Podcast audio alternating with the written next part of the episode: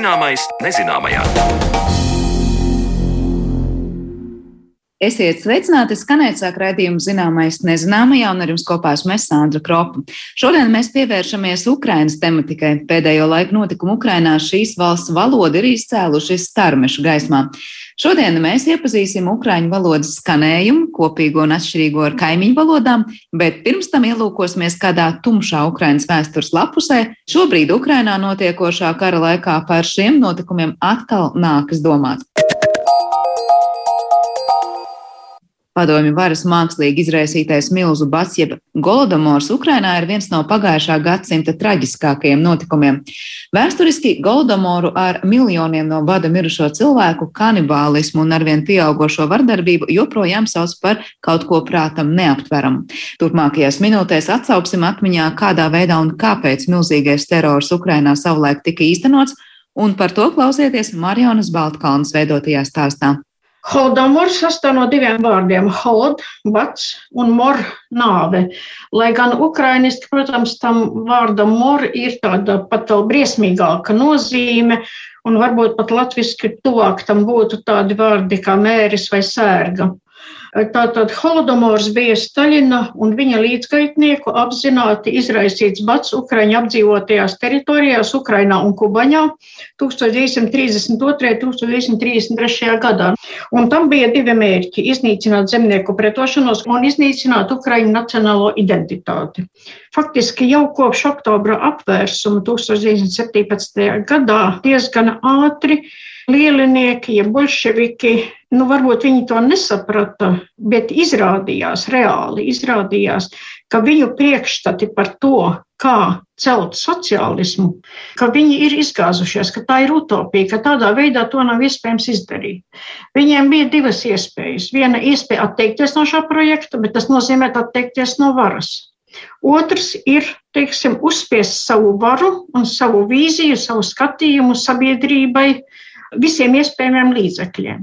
Un Staļins viskonsekventāk no visiem. Kopš 20. gadu beigām, nu, faktiski līdz savai nāvei, bet visvairāk, teiksim, laikā pirms otrā pasaules kara, nerēķinoties ne ar ko, ne ar kādām sekām, darīja visu iespējamo, lai savu priekšstatu par to, kādam jābūt sociālismam, lai to uzspiestu visai valstī, visai sabiedrībai.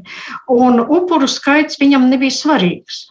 Tā stāstu par necilvēcīgiem pagājušā gadsimta notikumiem Eiropā un traumatisku pieredzi Ukrainas nācijai iesāk Latvijas Universitātes Latvijas Vēstures institūta pētniece, vēstures zinātņu doktore Daina Blējere. Lielais bats tiek dēvēts kā Golodomors, ukrāņu valodā kā Holodomors, un pie šīs ukrāņu versijas pieturēsimies visas sarunas laikā. Holodomora ideja netapa vienā dienā, un līdz mērķim iznīcināt Ukrainas zemnieku pretošanos un Ukraiņu nacionālo identitāti padomju vara ar Josifu Staļinu priekšgalā nonāca pakāpeniski. 1928. un 29. gadā Padomju Savienībā sākās tā saucamais lielais lēciens. Tas nozīmē pārēju uz pātrinātu industrializāciju, uz vispārēju zemniecības kolektivizāciju, jeb zemnieku sadzīšanu kolhozos un individuālu zemnieku saimniecību likvidāciju, kā arī turīgo zemnieku jeb kulaku izputināšanu un deportāciju uz Sibīriju. Tā bija kopēja Padomju Savienības politika, taču šīs politikas ietvaros bija arī specifiska padomju vadības attieksme pret Ukrainu, Ukraiņu apdzīvoto kubaņu un Ukraiņu nacionālismu. Par tālākajiem soļiem līdz Holodomoram turpina Daina Blējere. Protams, ka eh, zemnieki Ukraiņu apdzīvotajos rajonos pretojās kolektivizācijai, stāties kolhozos nekādi nevēlējās. Zemnieki pretojās kā varēja, izkāva lopus, lai tie nebūtu jādod kolhozam, pretojās ar ieročiem rokās, izdzina padomju aktīvistus no vietējām varas iestādēm un ievēlēja savus varas vīrus. Pieauga arī dažāda veida reliģiskas aktivitātes, pasaules gala gaidīšana. Tieksim, tika uzskatīts, ka, ja iestāsies kolhozā, tad cilvēku gaida elles mokas un tam līdzīgi. Tomēr čekistiem izdevās ārkārtīgi nežēlīgi visu šo pretošanos apspiest. Specifika bija tajā, ka Staļina un vispār padomju funkcionāru skatījumā Ukraiņu zemniecība bija dumpīga un neusticama. Tātad čekisti un vietējie komunisti pretošanos uztvēra nevis kā pamatotu un likumīgu zemniecības neapmierinātības izpausmi, bet gan kā tautas ienaidnieku, kulaku un viņu līdzskrējumu uzsināšanas rezultātu. Padomju Savienības skatījumā musinātāji nāca no ārpuses. Toreiz par savu potenciālo pretinieku Padomju Savienība uzskatīja Poliju, kas it kā gatavojot agresiju pret Padomju Savienību, un šajos plānos būtiska loma esot arī Ukraiņu nacionālistiem. Un te mēs ļoti labi redzam, ka visu šo daudzo gadu laikā faktiski nekas nav mainījies joprojām ir ārējie ienaidnieki, un pašreizējai Krievijai ar Vladimiru Putinu priekšgalā joprojām ir atšķirīgs viedoklis par Ukrainas vietu pasaules politikā. Holodomora saistībā līdz šim esam runājuši par padomju varas vēlmi pakļaut dumpīgos zemniekus, bet vēl viens būtisks aspekts ir Ukraiņu nacionālās identitātes iznīcināšana. Sākotnēji tā tiek veicināta ar tā saucamo ukrainizāciju, bet pēc tam notiek pretējs process. Kopš 1923. gada Padomju Savienībā tika īstenota tā saucamā korenizācijas politika, krieviski to sauc korenizācija. Respektīvi, tika attīstītas vietējās nacionālās etniskās kultūras, lai radītu bolševiku varai bāzi vietējo iedzīvotāju vidū. Šāda politika un ļoti sekmīgi pastāvēja arī Ukrainā, to sauc par ukrainizācijas politiku, un attīstot izglītību ukraiņu valodā, literatūru ukraiņu valodā, pieauga arī ukraiņu zemniecības nacionālā apziņa. Zemnieki tajā laikā, protams, bija ukraiņu nācijas nu, lielākā daļa. 1932. gadā Maskava atteicās no ukrainizācijas politikas. Sākās masveida ukraiņu kultūras darbinieku aresti, pie tam ne tikai tie, kas piederēja pie tādām labēji nacionālistiskām aprindām, bet arī tie, kas bija no nacionāla komunistu aprindām. Sākās arī izteikta Ukraiņa apdzīvotā rajona ārpus Ukrainas PSR rusifikācija. Respektīvi tika samazināts Ukraiņu skolu skaits, tad iespējas iegūt izglītību Ukraiņu valodā un tam līdzīgi vienlaicīgi, un tas saglabājas tikai Ukrainas PSR. Staļins personīgi un vispār bolševiki vienmēr bija uzskatījuši, ka Ukraiņu nacionālās pašapziņas pieaugums ir kaitīgs, ka Ukraiņa ir daļa no Lielkrievu nācijas un ka viņiem tādiem arī jābūt. Ir. Respektīvi, 32. gada bats faktiski deva Staļinam iespēju preventīvi uzbrukt Ukraiņu nacionālajai kustībai. Ne tikai pakļaut valsts politikai ekonomiskā ziņā, bet, teiksim, arī politiski un garīgi pakļaut.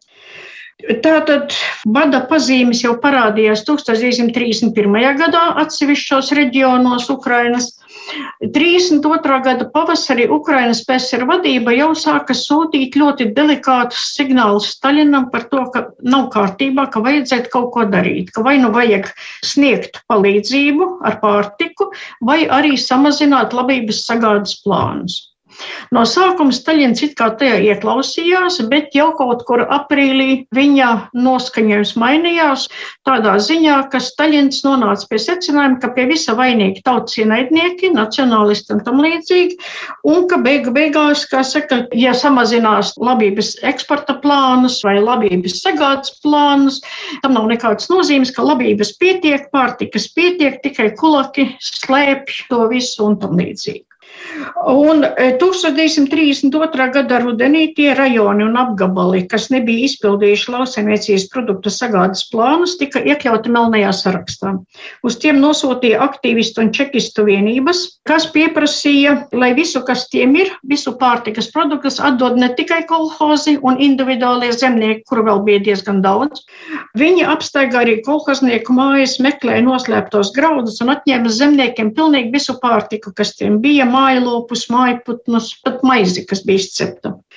Sākās bats, kurš pamazām pārņēma visu Ukrainu un arī Kubaņu. Un zemnieki, glābdamies no bada, mēģināja bēgt uz pilsētām un citiem reģioniem, cerībā, ka tur varēs iegūt kaut kādu pārtiku, maizi.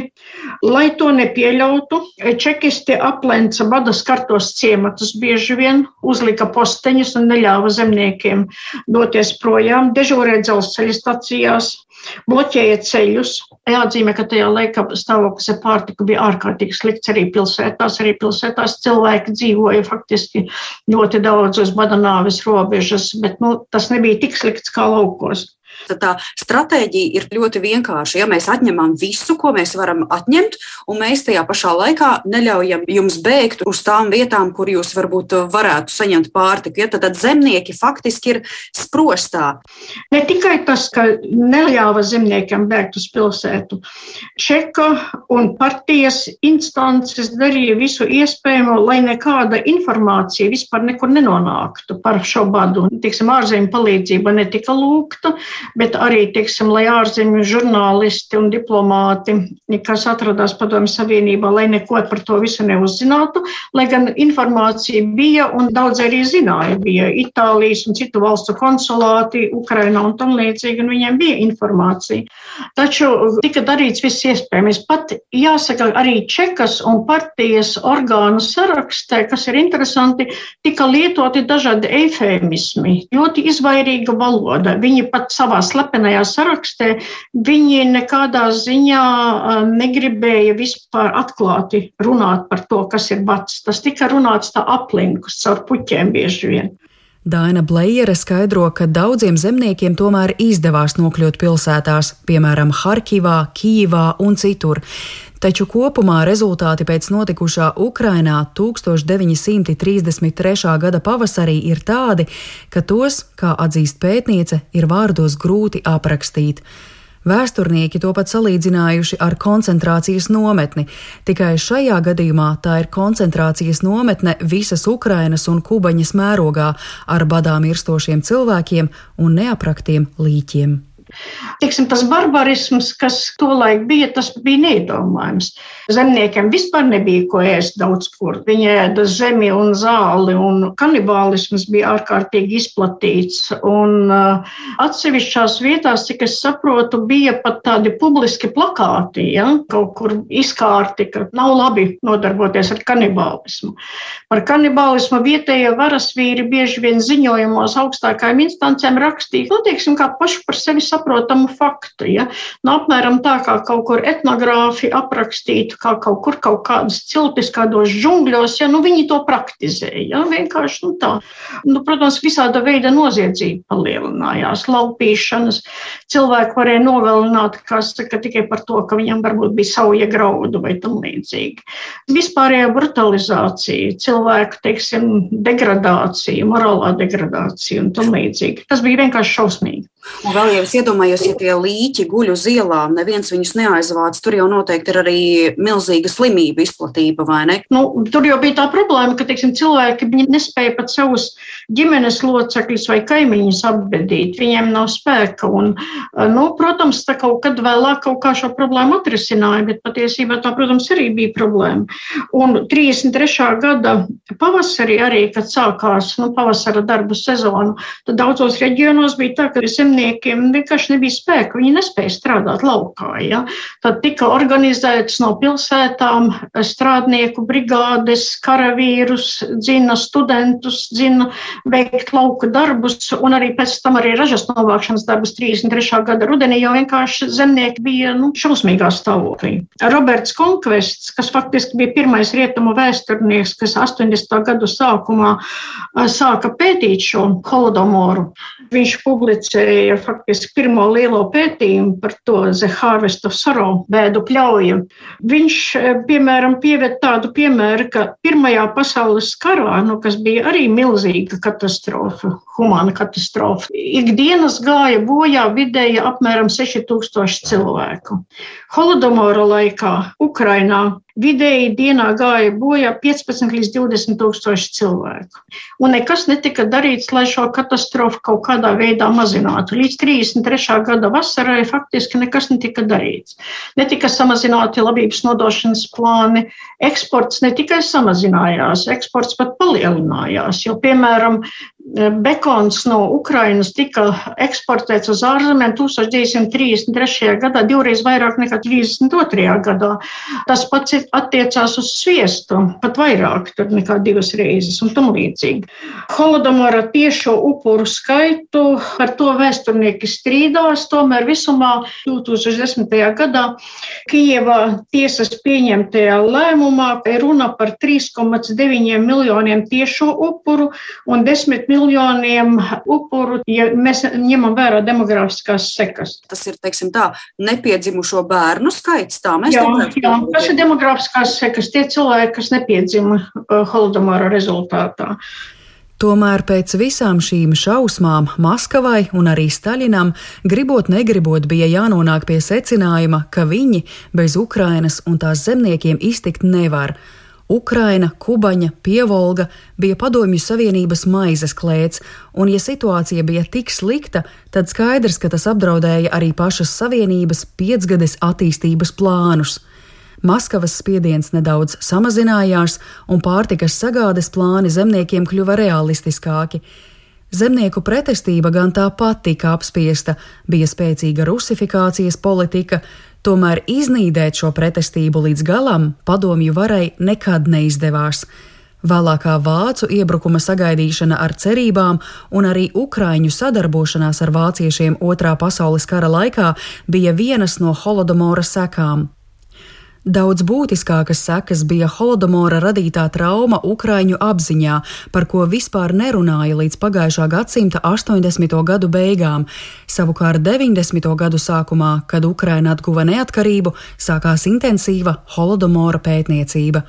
Tiesa joprojām turpinās strīdi, vai holodomoru var traktēt kā etnisku, sociālu vai politisku genocīdu, kā noziegumu pret cilvēci vai kā citādi. Holodomāra jautājums bija svarīgs 90. un 2000. gados, tāpēc, ka tas iezīmēja faktiski diskusiju par Ukraiņu tiesībām uz savu nacionālo identitāti, uz to, ka Ukraina ir atšķirīga no Krievijas vēstures izpratne. Tas bija sava veida tāda sadalījuma līnija. Lūdzu, Holodomors tā ir mūsu nacionālās apziņas, nacionālās vēstures sastāvdaļa, un tā ir Ukrainas specifika.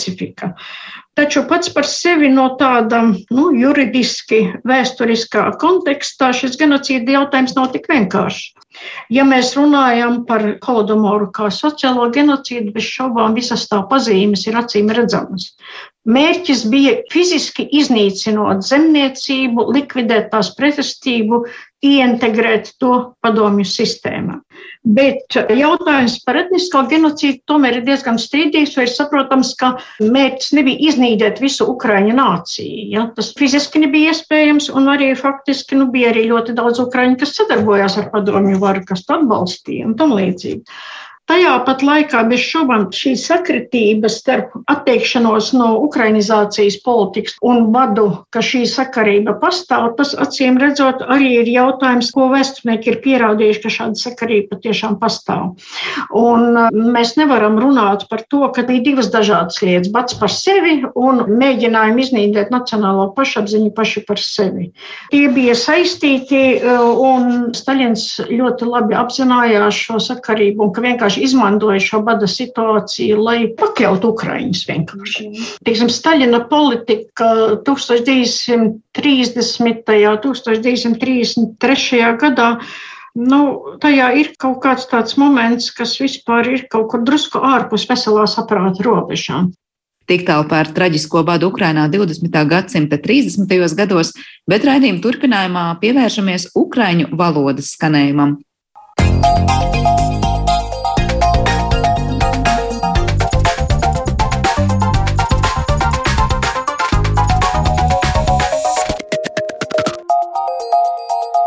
Zināmais nezināmajā. Ja ir kāda valoda, kuru pēdējā laikā dzirdam teju ikušu soļu, atverot kādu sociālo tīklu vietni, tad tā ir ukraiņu valoda. Pēc skanējuma pazīstama un krievu valodas zinātājiem nedaudz saprotama, tā, taču tā ir atšķirīga un ar savu vēsturi bagāta valoda. Par ukraiņu valodu turpmākajās minūtēs mēs runāsim arī ar mūsu studijas viešu, un tāpēc attālinātajā studijā es sveicu filoloģi Varvaru Sproģi. Labdien! Labdien! Varbūt pati pasniedz vairāk citas valodas, bet pati ir ukrainiete, un tāpēc par ukraiņu valodu ar savu filologu skatu noteikti mums varēs daudz ko interesantu pastāstīt. Es saprotu, jūs pati esat ukrainiete, vai ne? Es pareizi visu saku, un jums ukraiņu valoda ir dzimtā valoda. Jā, tieši tā, dzimta valoda, jā. Kā mēs varam teikt, nu šobrīd skatoties, es domāju, daudziem ir savi novērojumi, cik saprotama, mazāk saprotama ir ukraiņu valoda. Kā jūs kā savu valodu raksturotu, kāda ir ukrāņu valoda, kam tuva, kam tāla, kam patiesībā varbūt mums tikai liekas, ka tuva. Kā es raksturotu ukrāņu valodā? Manuprāt, ir vismīļākā valoda pasaulē, tāpēc, tā ir, tāpēc ka tā ir mana dzimta valoda. Kā jebkuram cilvēkam, kā latviešam, latviešu valoda ir vismīļākā valoda. Tāpat arī ukrāņiem, ukrāņu valoda ir vismīļākā valoda. Kas, ir, kas raksturo tieši ukrāņu valodu? Pasaulē notiek valodu konkursi. Un viena tāda, tāda konkursā ukrāņu valoda tieši vienā un aizņem otru vietu, kā vismelodiskākā mm, valoda. Otra vieta ir ukrāņu valoda, un pirmā vieta ir itāļu valoda. Um, tas, tas tieši raksturo ukrāņu valodu, Un es uzreiz gribēju piebilst, arī, ja mēs runājam par manu meitu, kur ir tagad viens gadiņš, ja, un es slēdzu mūtiņas viņai ukrāņu valodā, un, protams, arī angliski un latviski. Un tad es varu pateikt, ka viss Vislabākās emocijas viņa tieši tad, kad viņa kaut kā dzird ukrāņu valodu, tad viņa tieši dejo un priecājas. Tas nenozīmē, ka viņai nepatīk citas valodas vai kaut kā, bet tās emocijas tieši rādas tad, kad skan ukrāņu valoda. Varbūt tas ir tāpēc, ka viņa arī pa pusi ir ukrāniete, un tas viņai jau ietrīc. Bet kas, jūsuprāt, ir tas, kas to melodiskumu dod valodai? Tas ir kaut kāda patskaņu, līdzskaņu, savstarpēja attiecība vai intonācijas? Nu, ja mēs runājam par slavu valodām, tad uh, ukrāņu valoda ir ļoti bagāta ar fonēmām, 48 fonēmas. Un, uh, kas vēl raksturo ukrāņu valodu, piemēram, visi tagad runā, ka ļoti līdzīga krievu valodai, tieši tā nav. Ukrāņu valoda ir ļoti līdzīga baltkrievu valodai. Baltkrievu valodai tas ir kaut kāds, mums ir sakritība 84%. Pēc tam iet poļu valoda un tikai kaut kādi 64, man liekas, procenti ir krievu valoda. Par šo sakritību es tieši gribēju jums vaicāt, jo tieši tā kā jūs teicāt, tie procenti 60 vai pat 50 dažos aprēķinos ir tas, kas patiesībā ir kopīgs ukrāņu un krievu valodai. Jāteic, ka man pašas novērojumi pārsteidz arī, ka ar čehu valodu ir diezgan daudz nu, līdzības vārdos arī ar ukrāņu valodas vārdiem. Kāda cenāk, tad cenāk tā radnieciskākā šobrīd ir Baltkrievu valoda, un Baltkrievu arī patiesībā Krievu valodai ir diezgan tāla. Jā, visradnieciskā ir Baltkrievu valoda. Nu, piemēram, es esmu pat sagatavojis dažus piemērus, tā lai jūs varētu saprast. Es pateikšu ukrāniski un tad baltkrieviski. Tikai dažus vārdus un tad iztulkošu uz latviešu valodu tā lai varat saprast. Nu, piemēram, ir tādas frāzes kā uh, sveiciens, ja? sveicināti. Uh, Ukrāniski tas ir vitāju, un baltkrieviski tas tas pats - vitāju. Uh, un, un, un ļoti, ļoti daudz tādu frāzu, un, piemēram, vēl um, paldies, tas ir ģēkuju ukrāņu valoda un ģēkuju uh, baltkrievu valoda. Ja mēs runājam tieši par to sakritību, tad ir tā, piemēram, es varu mierīgi skatīties filmas Baltkrievu valodā, es visu saprotu, tāpat kā Baltkrievi saprot ļoti labi ukraiņu valodu. Un vēl es teicu, ka mums, mums ļoti sakrīt, nu kā ne, ne ļoti sakrīt, bet ir tā sakritība kaut kāda tur 70% ar poļu valodu, Tad, jā, mums arī ir tā, es esmu bijusi viena komandējuma polijā, Un sanāk tā, ka varēja runāt ar bērniem ukrāņu valodā, jo bērni tur ne, ne, neprot angļu valodu. Jā, daži bērni, piemēram. Tad es varēju pajautāt, uzdot jautājumu ukrāņu valodā, un Viņi man atbildēja poļu valodu, un tā mēs sarunājāmies. Tas, tas, tas bija tāda komunikācija, un mēs ļoti labi sapratām viens otru. Tas vien liek uzdot jautājumu par šīs valodas izcelsmi un vēsturi. Un vēl te daudz ko var palasīt arī par šādu, nu, es nezinu, vai pareizi ir teikt kaut kādu senslāvu atkal valodas atzaru, kurā tad tuvākās ir Baltkrievu, Ukraiņu, tālāk, kā jūs teicāt, arī poļu un viss tās, un patiesībā tā Krievu valoda ir krietni, krietni nu, atstatāka. Kas mums vispār ir zināms par Ukraiņu valodas vēsturi un izcelsmi? Par izcelsmi var pateikt tā, ka Tā ir tāda atsevišķa tēma, bet nu, vispār, cik arī es esmu lasījis un mācīja skolā, ka uh, ukraiņu valoda tieši rādus uh, kaut kādā 4. gadsimtā. Uh, Sanāk, ka uh, ukraiņu valoda parādās ātrāk nekā krievu, vācu vai pat turku valoda. Tas ir ļoti nozīmīgi. Un tieši no ukraiņu valodas jau parādās tālāk uh, krievu valoda. Kādā veidā tur notiek tālāk pēc tam tās, es nezinu, valodu krustošanās vai ģeopolitiskās krustošanās, kas ir likusi, es nezinu, vismaz Krievijas pusē daudz runāt par to, ka, nu, Ukraiņu valoda ir teju vai Krievu valodas tur māsa vai jaunākā māsa vai kā citādi, kad, kā patiesībā vēsturiski sanāk, ka Ukraiņu valoda ir vēl senāka par pašu Krievu. Tieši tā, ja vēsturiski mēs paskatīsimies, tad, protams, kā uh, bija tāda Kīvska Rusija, pirmā vispār, kas bija, tā bija, tā bija Ukraina, un to tajā vieta, kur, kur tagad ir Krievija, bija purvi, nekas, nekas, nekas baigi nebija. Uh, un, un, un, un tad uh, arī viena avotis lasījusi, ka um, sanāk tā, ka Krievu valoda izveidojas tieši no uh, no Ukrāņa, no uh, vec Ukrāņu valodu, kur tieši runāja bāznicā. Es varbūt nezinu, ka tas precīzi un labāk noformulēt latviski, tā lai pateikt, bet, nu, kā, kā pamats uh, Krievu valodai arī bija Ukrāņu valoda. Nu, tas ir vairāk kā skaidrs, arī ieskatoties kartē, kā jūs teicāt, šo te Kievas Rusi, to teritoriju vēsturisko, ka patiesībā tā ir mūsdienu Ukraina, mūsdienu Baltkrievija un vēl pat uz augšu gar Igauniju, ja skatītos tādu atzaru, ir tā teritorija, kas acīm redzot arī nu, runāju, nevēl šobrīd arī radnieciski runā tuvākajās valodās, kā tas arī izklausās. Es vēl gribēju par pašu valodu cīkāk parunāt, nu, kāda ir tās uzbūve, ja mēs tagad ar latviešu valodu salīdzinām, tur, es nezinu, dzimtes un, un laiki. Vai tas ir kaut kas ļoti līdzīgs, kā mēs domājam, vai tur ir atkal atšķirīga vispār tā gramatika un valodas uzbūve? Nu, piemēram, ja mēs runājam par ukrāņu valodu, ukrāņu valoda ir septiņi locījumi. Un kas mums arī atšķir no visām slavu valodām, tas ir uh, septītais locījums, uh, tāds, tāds, tāds saucamais uh, vokatīvs. Bet latviešu valoda arī ir vokatīvs, vai ne? Piemēram, krievu vai baltkrievu valoda tas nav.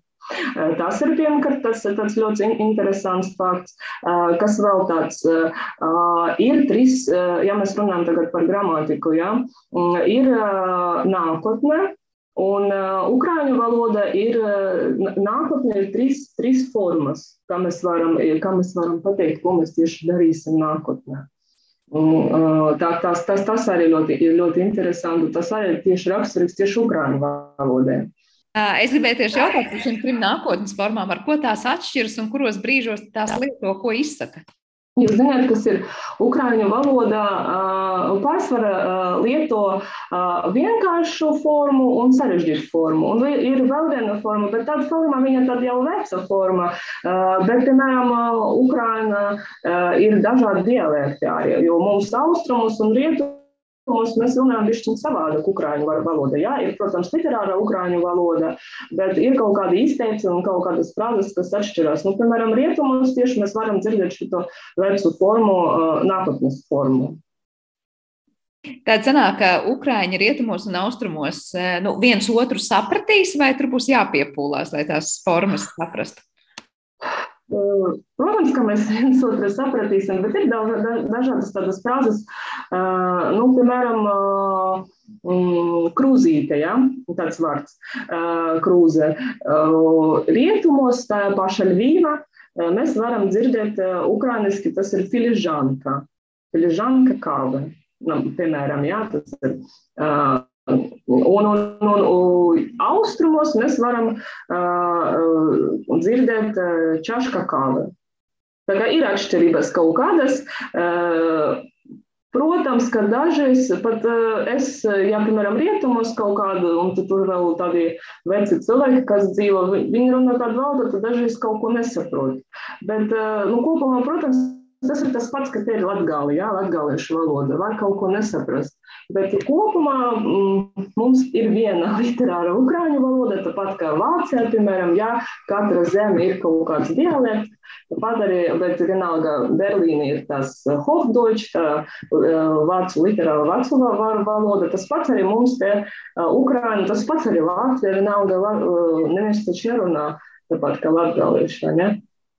Eh, tas ir vairāk kā skaidrs, bet eh, vai var lūgt jums pateikt kādu piemēru? Nu, jautājums, vai latviešu mēs to varam vispār pārtulkot, ka jūs sakāt tās trīs dažādas nākotnes. Nu, vai tas vairāk skaitīsies ar to, ka es kaut ko darīšu, izdarīšu vai padarīšu? Es nezinu, vai ir kaut kāds ekvivalents latviešu valodā, kas raksturot to, nu, kā tās nākotnes atšķirās.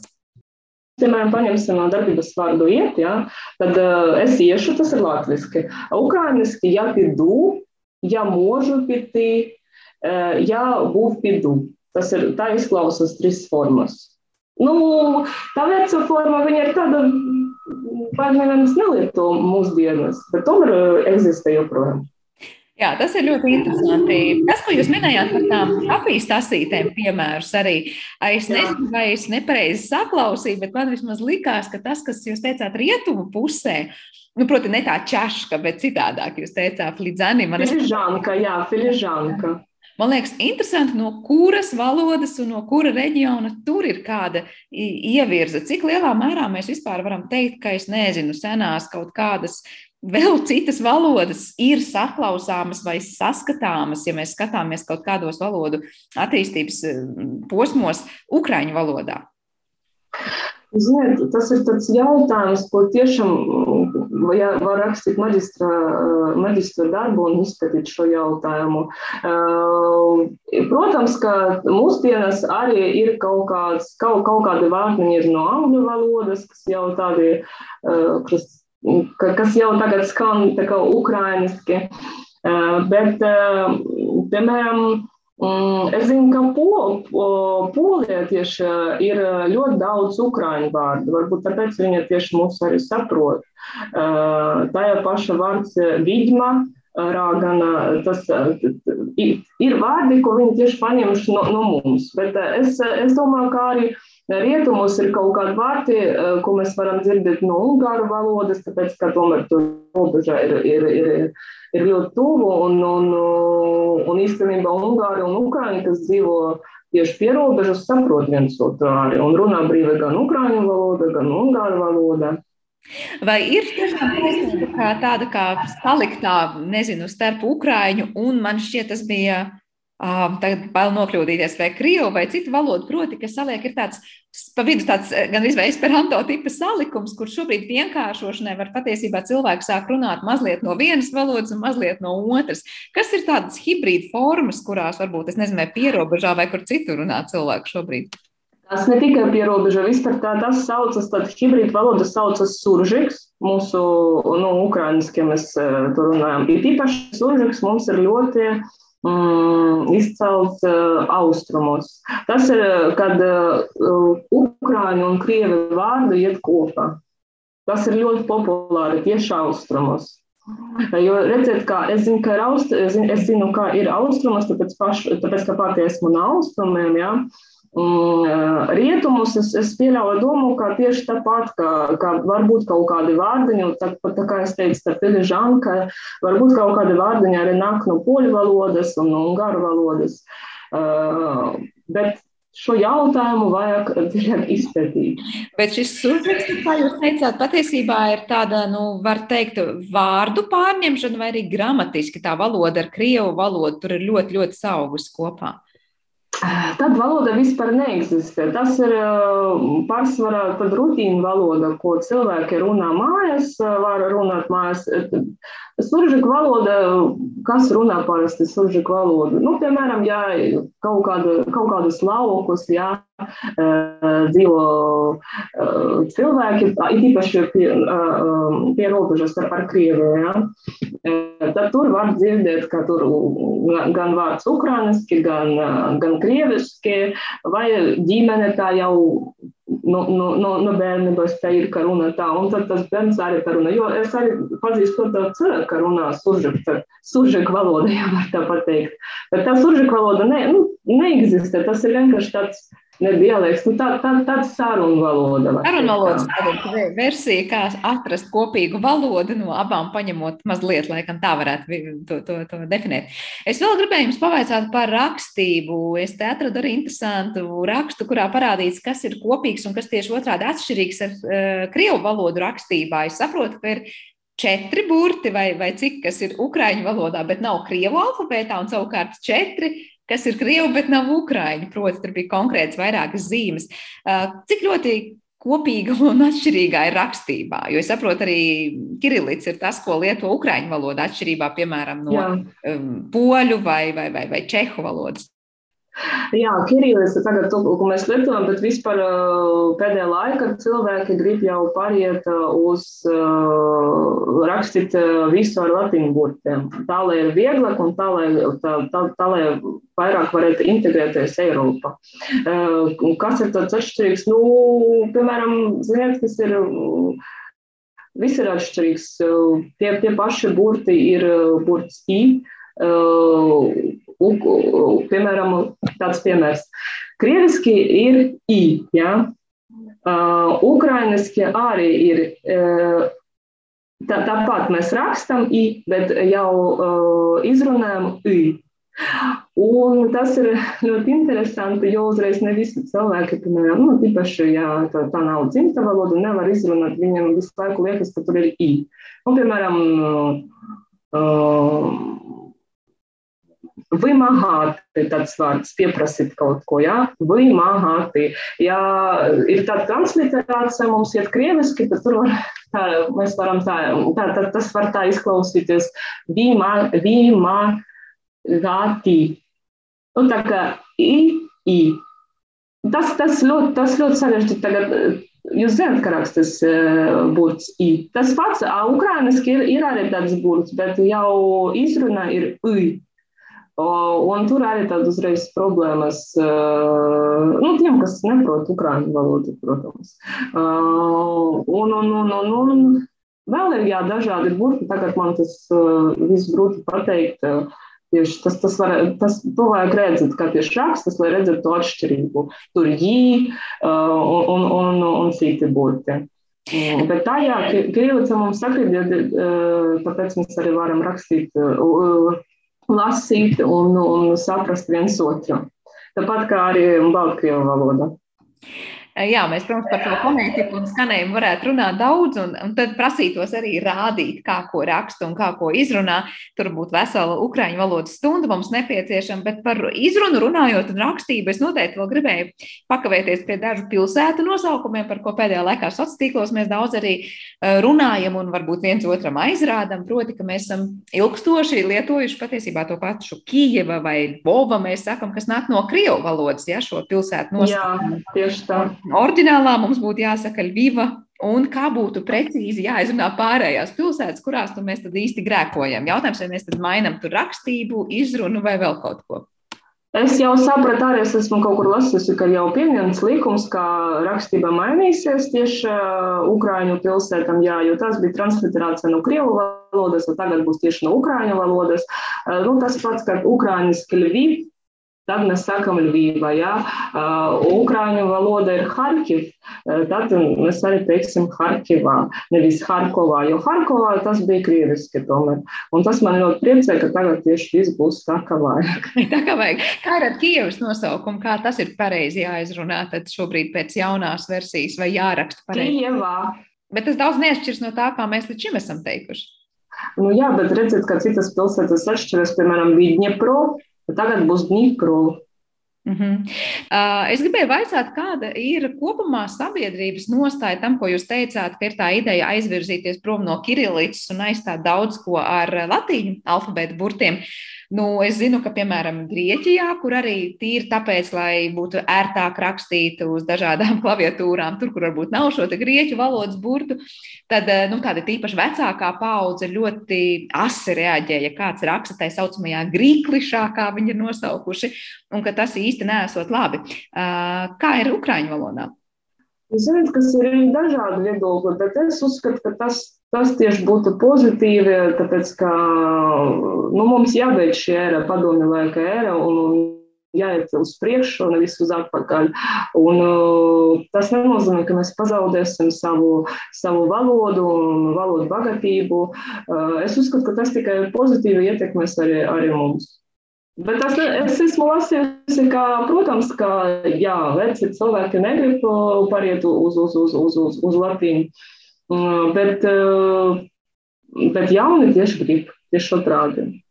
Bet tev atšķirība ir tāda, ka kirillīca rakstība jau nav tā kā paņemta no krievu valodas. Tas jau arī tajā pašā senatnē, ja tā mēs varam teikt, tad, kad radās ukraiņu valoda, jūs jau arī pašā sākumā ukraiņu valodā lietojāt kirillīcas alfabētu, pareizi? Jā, jā.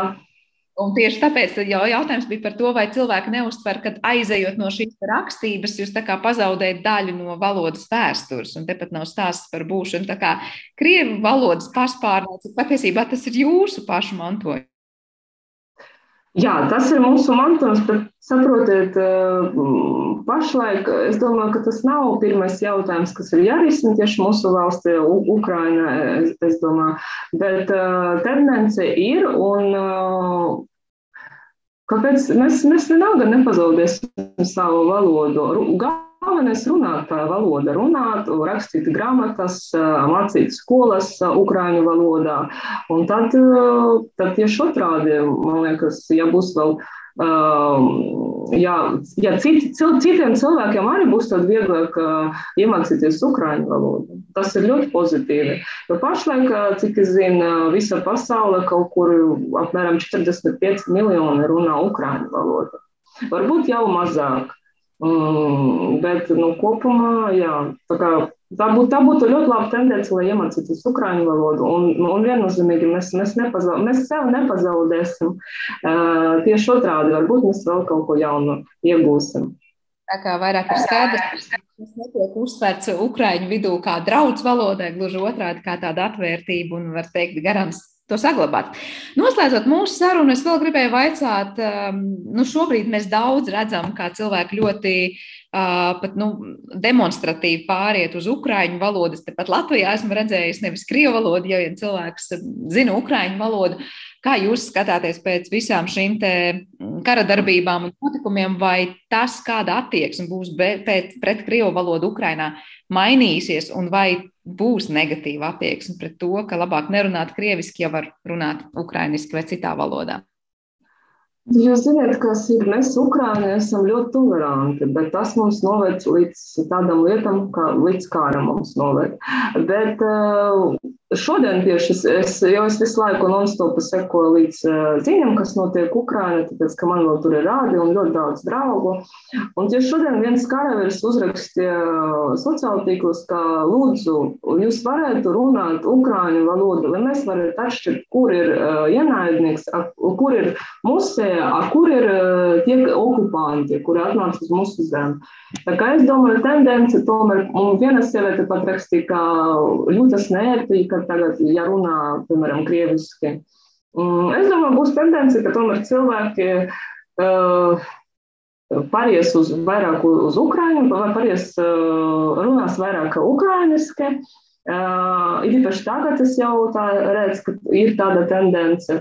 Uh, protams, ja kāds runās krieviski, tas nenozīmē, ka, ka tas ir kaut kāds noziegums. Uh, Jo pirms tam, piemēram, austrumos mēs gandrīz visi runājam krieviski. Ja?